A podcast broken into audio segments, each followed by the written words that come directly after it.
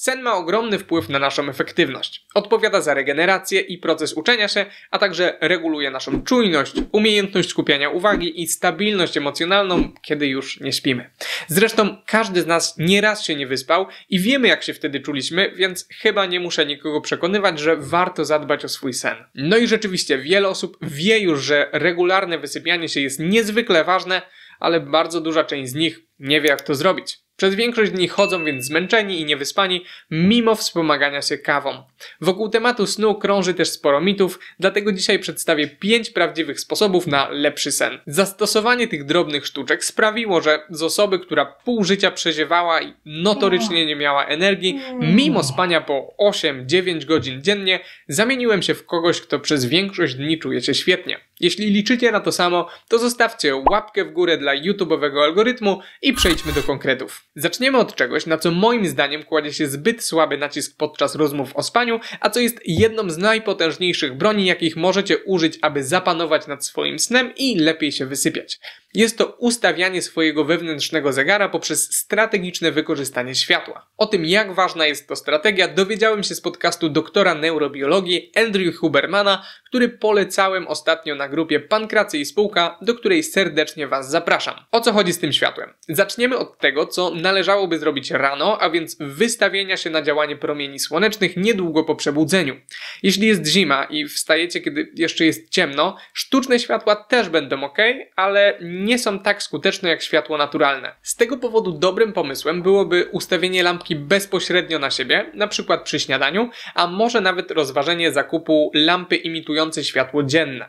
Zaznaczę jednak, że nie chodzi tutaj o wystawienie skóry na światło. Aby działało to poprawnie, światło musi trafić do naszych oczu. Musimy je widzieć. Jeśli macie taką szansę, to najlepiej będzie wyjść na zewnątrz, ponieważ, jak podaje dr Huberman, światło przechodzące przez szybę będzie w tym przypadku od 50 do nawet 100 razy mniej efektywne. Moglibyście powiedzieć, Co z tego? Po prostu będę dłużej patrzył.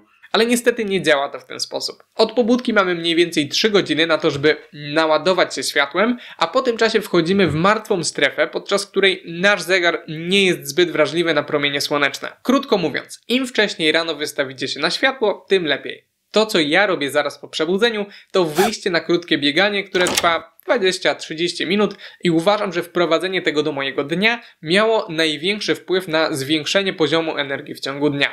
Druga strona tej samej monety to światło wieczorem, którego powinniśmy unikać. Często mówi się o świetle niebieskim, które nas pobudza i są specjalne programy blokujące niebieskie światło z ekranów komputera czy telefonu, ale badania pokazują, że każde jasne czy nawet umiarkowanie jasne światło może mieć negatywny wpływ na nasz sen, jeżeli widzimy je o niewłaściwej porze. Polecam więc chociaż pół godziny przed snem ograniczyć światło i w miarę możliwości korzystać ze świeczek albo czerwonego światła, na przykład takiego, jakie możecie zobaczyć za moimi plecami, ponieważ one nie będą zakłócać naszego snu. Co nawet ważniejsze, to aby przy ewentualnym przebudzeniu w nocy, chociażby na siku, nie sprawdzać telefonu i nie zapalać świateł, ponieważ jesteśmy na nie wtedy najbardziej wrażliwi i nawet coś tak małego jak ekran smartfona może powodować negatywne efekty. Co więcej, jak twierdzi Huberman, ekspozycja na światło pomiędzy 23 a 4 redukuje wydzielanie dopaminy, która poza tym, że jest nazywana hormonem szczęścia, odpowiada za motywację i jak się domyślacie, lepiej tego unikać. Wszystko o czym powiedziałem sprowadza się do naszego wewnętrznego zegara okołodobowego.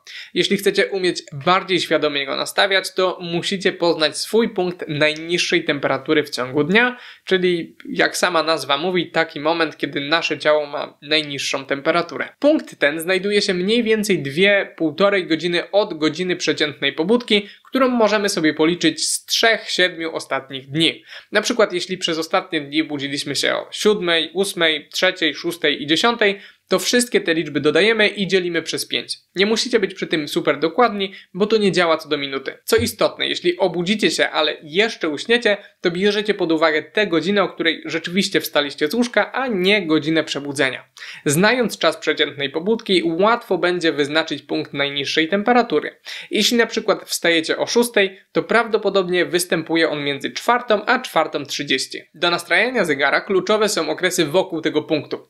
Wystawienie oczu na światło słoneczne 4-5 godzin po nim sprawi, że będziecie czuć się lepiej w ciągu dnia, a także łatwiej będzie Wam usnąć wieczorem i wcześniej wstać następnego dnia. Jeśli będziecie oglądać jasne światło 4-5 godzin przed punktem najniższej temperatury, będziecie mieć tendencję, żeby wstać później i zasnąć później. Przez długi czas nigdzie nie spotkałem się z tymi informacjami, a szkoda, bo nastrajanie zegara jest jedną z najmocniejszych broni, jakie możecie wykorzystać, aby zapanować nad swoim snem i mogę to potwierdzić na własnym przykładzie. Druga rzecz, na którą warto zwrócić uwagę, to cykle. Musicie wiedzieć, że nasz sen nie jest jednolity. W jego trakcie przechodzimy przez kilka faz, które w uproszczeniu można by nazwać wstępną, płytką, głęboką i REM.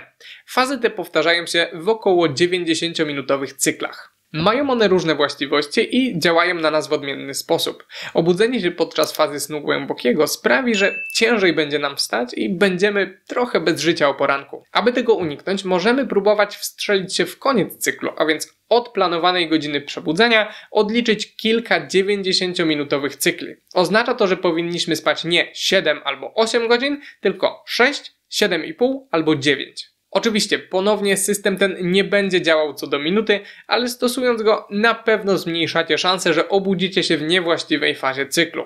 Będzie to działać skutecznie, jeśli codziennie będziemy wstawać o tej samej godzinie, co prowadzi nas do punktu trzeciego, czyli regularne godziny snu. Wiem, że to trudne, a w wielu przypadkach nawet nierealne, ale w idealnym świecie wstawalibyśmy i kładli się mniej więcej o tej samej godzinie. W sytuacji, w której z jakiegoś powodu mi się to wywala, ja staram się utrzymać stałą godzinę godzinę pobudki. Najważniejsze jednak, żeby nie próbować odsypiać sobie tygodnia w weekend. To zły nawyk, który może mieć sporo negatywnych skutków, a badania pokazują, że przesypianie mniejszej całkowitej liczby godzin, ale w regularnych, zbliżonych do siebie ilościach, może być dla nas korzystniejsze niż spanie większej liczby godzin, ale w chaotyczny sposób. Oznaczałoby to, że lepiej przespać codziennie 6 godzin niż raz spać 4, raz 6, a raz 10, mimo że w efekcie będziemy spać mniej. Wiem jak fajnie jest w weekend przespać 10 czy 12 godzin, kiedy w tygodniu codziennie musimy wstawać o 5 rano i sam wielokrotnie robiłem tak jako nastolatek, ale okazuje się, że niestety nie jest to dla nas dobre. Kolejna, czwarta rzecz, na którą warto zwrócić uwagę, to temperatura. Ogólna zasada jest taka, że kiedy temperatura ciała stopniowo spada, czujemy się bardziej śpiący, natomiast kiedy wzrasta, jesteśmy bardziej pobudzeni. Aby wykorzystać to na własny użytek, możecie wziąć zimny prysznic o poranku, co bez zaskoczenia pobudzi Was na kilka różnych różnych sposobów, a w dodatku może wywołać wydzielanie dopaminy, która tym bardziej powinna pomóc Wam zabrać się do działania. Ja sam zaraz po porannym bieganiu idę się umyć i na zakończenie stosuję około minutowy zimny prysznic i muszę przyznać, że połączenie tych trzech elementów, czyli światła, sportu i zimna, realnie zwiększa moją energię w ciągu dnia. Kiedy jednak chcielibyście ułatwić sobie zasypianie, możecie spróbować zadziałać w przeciwną stronę, a więc dążyć do stopniowego obniżania temperatury ciała. Ciepła kąpiel godzinę lub dwie przed pójściem spać powinna zadziałać właśnie w ten sposób. Warto też delikatnie obniżyć temperaturę naszej sypialni, na przykład wietrząc ją. Skoro już przy tym jesteśmy, to warto byłoby też zoptymalizować miejsce, w którym śpimy, tak aby możliwie bardzo wspierało regenerację i wypoczynek. Dobrze byłoby, aby w miarę możliwości nie korzystać z sypialni w celach innych niż sen, no i pozostałe sprawy, których miejscem jest sypialnia. Najlepiej jednak, gdyby nie była częścią dziennej przestrzeni mieszkalnej. Nie powinniśmy oglądać tam telewizji, jeść, a może nawet zrezygnować w niej całkowicie z technologii. Wiem, że dla wielu osób jest to niemożliwe, bo chociażby student, który mieszka w 7-metrowym pokoju, niewiele może na to poradzić, ale tak byłoby idealnie. Kiedy sam mieszkałem w takim pokoiku, starałem się chociaż w minimalnym stopniu oddzielić spanie od funkcjonowania i czytać lub oglądać filmy po przeciwnej stronie łóżka, głową tam, gdzie śpiąc miałbym nogi. Nie wiem, czy to działa, ale chociaż czułem, że mam pewną kontrolę i dobrze działało to na mój nastrój. To, co każdy może zrobić, to utrzymać pomieszczenie, w którym śpi w czystości i zadbać o to, żeby w nocy nic na niego nie świeciło. I mówię tu nawet o takich pierdołach jak czerwona diodka monitora albo światełko przy ładowarce. Te pięć wskazówek powinno w ogromnym stopniu poprawić jakość waszego snu oraz zwiększyć energię w ciągu dnia, ale bardzo istotną sprawą jest, aby z tym wszystkim nie przesadzić. Chodzi mi o to, żebyście nie stresowali się tym, że poszliście spać 15 minut później i teraz wasza noc jest zmarnowana, bo mieliście chodzić spać o tej samej porze, albo że przebudziliście się w nocy i o mało się nie popłakaliście, bo rozjadą wam się cykle. To są naturalne rzeczy i nie ma sensu nadmiernie się nimi przejmować.